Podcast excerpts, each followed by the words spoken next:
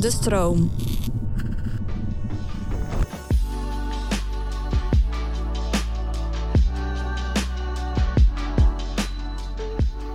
Hallo allerliefste luisteraars en BookTalk-fanaten en welkom bij weer een nieuwe aflevering van Noël Leest Wel. We gaan het vandaag hebben over denk ik wel een van de allergrootste BookTalk-boeken ooit, namelijk One of Us is Lying.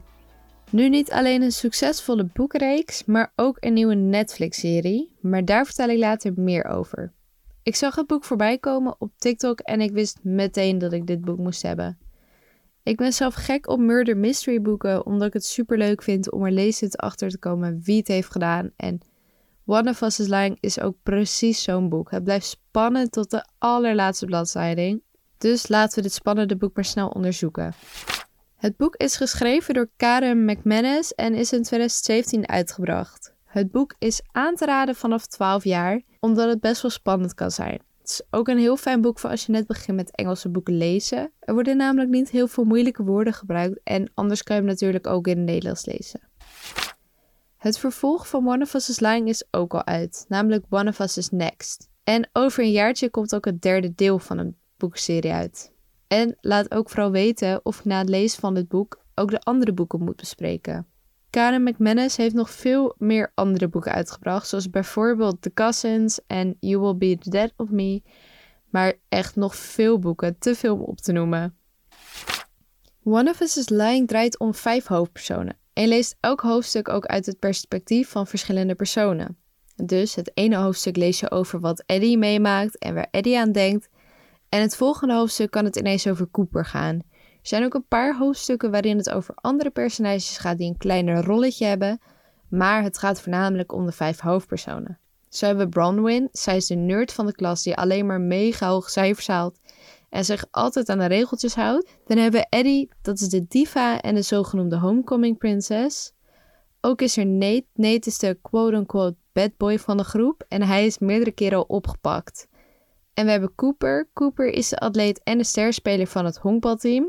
En als allerlaatste hebben we Simon. Hij is altijd het buitenbeentje. Simon is ook de oprichter van de roddel-app. De roddel-app About That vertelt alles over de geheimen van de leerlingen van de school. Als er iets grappigs of iets geks is gebeurd, wordt dat meteen gepost op About That. En de app staat ook bekend dat alles wat erop staat ook echt waar is.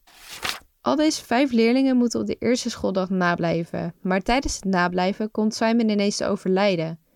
Hoewel iedereen dacht dat een ongeluk was, bleek het later om een moord te gaan. En alle vier de leerlingen, die samen met Simon aan nablijven waren, hebben allemaal stuk voor stuk een motief.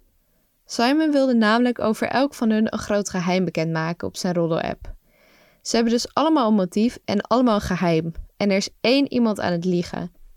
Samen proberen de vier leerlingen erachter te komen wie de dader is en zo leren ze elkaar dan ook steeds beter leren kennen.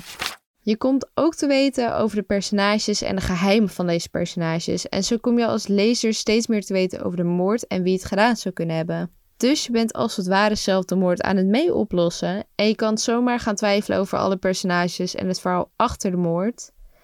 Ik kan jammer genoeg niet te veel zeggen over de geheimen van alle personages, want juist door de geheimen word je helemaal aan het denken gezet.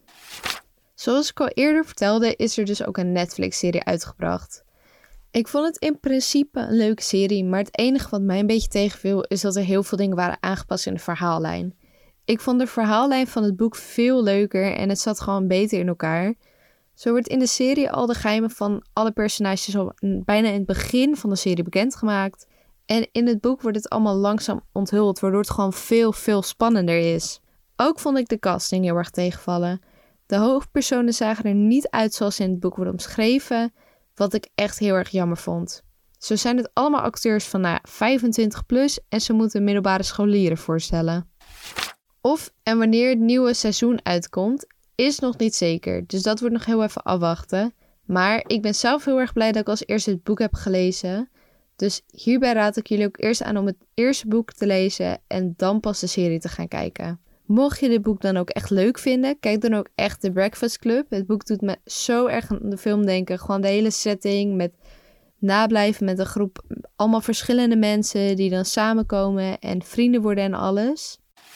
Met al deze informatie is het nu vooral tijd om Manifest Lying te gaan lezen. Bedankt voor weer het luisteren naar de aflevering. En vergeet ook zeker niet om een kijkje te nemen op mijn TikTok. Noël leest wel. Daar heb ik natuurlijk TikToks geplaatst over One of Us Lying. Maar ook over vele andere boeken. Dus laat hier vooral ook weten welke boeken je nog meer wil horen. En ik lees echt elke reactie. Ik vind het onwijs leuk dat jullie allemaal zo enthousiast zijn. Dus twijfel echt geen moment om te laten weten wat je van de aflevering en het boek vond. Nog heel veel leesplezier gewenst en ik kom snel terug met een nieuw boek.